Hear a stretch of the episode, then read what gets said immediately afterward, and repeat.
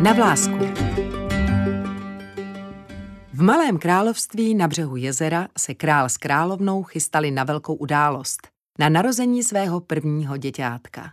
Královna však vážně ochořela a jedinou nadějí na její uzdravení byla kouzelná zlatá květina. Král poslal své vojáky do lesa, aby tuto květinu našli. Nebyli však jediní, kdo ji chtěl získat. Zlá čarodějnice Godhel po staletí využívala její léčivou moc a zůstávala tak krásná a mladá. Královští vojáci však květinu objevili a přinesli ji do zámku. Její kouzelná moc královnu uzdravila a narodila se jí překrásná holčička se zlatými vlásky. Dali jí jméno Locika. Šťastné rodinné chvíle však netrvaly dlouho. Jednou v noci se čarodějnice Gothel vplížila do hradu, do ložnice malé princezny a unesla ji. Hluboko v lesích v ukryté věži Gothel dívenku vychovala jako svou vlastní. Díky kouzelné síle jejich vlasů si udržovala mládí a krásu. Nešťastný král s královnou hledali dcerku po celém království, ale marně. Každý rok nechali v den jejich narozenin vypustit k nebi tisíce zářivých lampionů s nadějí, že je ztracená Locika uvidí a najde cestu domů. Čas plynul a z Lociky vyrostla nádherná dívka s dlouhými zlatými vlasy. S kamarádem Chamelónem Paskalem si čas ve věži krátila, čím se dalo. Ráda malovala, četla, pletla a hrála hry. Každý rok viděla z okna věže světelka, která se objevovala přesně v den jejich narozenin. Když ale chtěla z věže ven, Gotel ji vždy odradila. Svět tam venku je nebezpečné místo, plné zlých a sobeckých lidí. Locika toužila tato světelka vidět. Cítila, že se objevují kvůli ní. Den před svými osmnáctými narozeninami našla odvahu a poprosila matku, zda by se na ně mohla jít podívat. Rozezlená Gothel ji však zase postrašila všemi nástrahami světa. Nechtěj po mně, abych tě pustila z věže. Nikdy. Ano, mama, odpověděla zkroušeně dívka. Mezitím se do královského hradu vloupal zlodějíček jménem Flynn Rychlík a ukradl vzácnou korunu, která byla určena pro malou lociku. Měl sebou dva pomocníky, hledané zloděje, které oklamal a korunu získal pro sebe. Rozzuřené bratry tak nechal svému osudu. Flinovi se dařilo prchat lesem před královskou stráží, do křížku se však dostal s koněm Maximem, velmi inteligentním královským pěloušem. Před Maximem se schoval v listové kaskádě, za níž se skrývala vysoká věž. Bez rozmýšlení se dal do šplhání. Když už si myslel, že je v bezpečí, dostal ránu pánvičkou přímo do hlavy. Locika omráčeného Flina přivázala svými vlasy k židli a čekala, až se probere. Myslela si, že má špatné úmysly, jak ji o tom přesvědčovala Godhel. Korunu schovala, ale když viděla, že jí Flynn nechce ublížit, navrhla mu dohodu. On ji vezme na lampiony a zpět domů a ona mu vrátí milovanou brašničku i s korunou.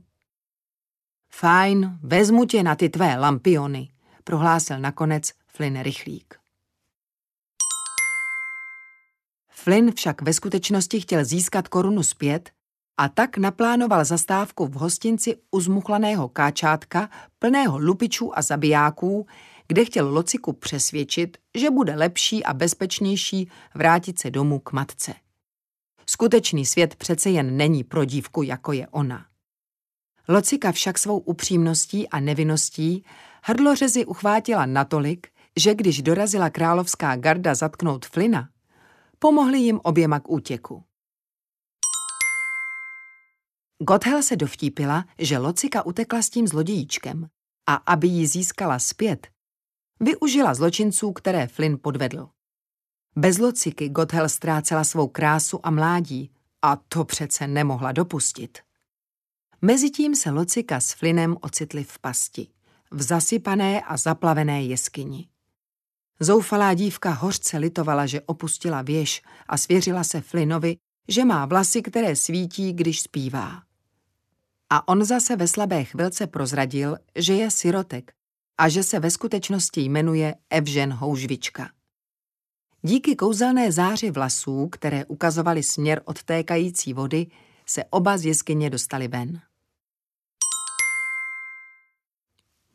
Evženovi problémy však nekončily. Královský bělouš Maximus se nevzdal a když Flina konečně našel, chtěl ho odvést do želáře. Locika si však koně získala na svou stranu. A navíc měla dnes přece narozeniny. Evžený měl vzít na lampiony.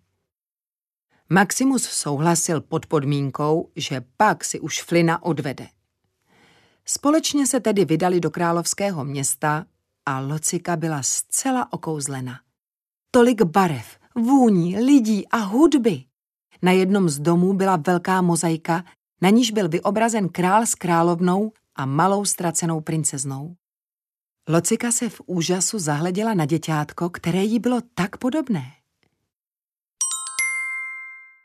Evžen svůj slib splnil a ještě ten večer ji vzal na loďku na jezero, odkud byl nádherný výhled na tisíce lampionů, které stoupaly k nebi. V tuto chvíli oba cítili totéž, že jsou zamilovaní. Kouzelnou chvilku ale narušili zlí bratři, kteří se najednou objevili na břehu. Flynn jim plul vstříc, aby vrátil korunu. Oni však chtěli víc. Chtěli lociku. Flina uvěznili na lodi a locice namluvili, že ji Evžen podvedl, že ji nemiluje a že chtěl jen ukrást korunu. Zoufalou dívku pak přišla zachránit Gothel, která vše naplánovala. Rozčarovaná a smutná Locika matce uvěřila a ani se návratu do věže nebránila. Locika na Evžena nepřestala myslet. Ležela ve své komnatě a v ruce držela malou vlaječku, kterou od něj dostala. Na ní bylo vyobrazeno slunce, symbol království. Najednou se strop komnaty rozářil mnoha stejnými zlatými slunci a Locika si začala vzpomínat. Viděla své rodiče, jak se sklánějí nad kolébkou a vše pochopila. Ona je ta ztracená princezna z mozaiky. Dívka se odvážně postavila Gothel, avšak ta, když už nemusela nic předstírat, se stala skutečně tou zlou čarodějnicí, jakou ve skutečnosti byla. Učinila, co bylo v její moci, aby se Locika z věže už nikdy nedostala. Evžena mezi tím uvěznili. Maximus však vyhledal kumpány z hospody a společně ho vysvobodili. Stihl jen vykřiknout Šemíka ne! Když s ním Maximus přeskočil hradby a pak už uháněli do lesa k věži.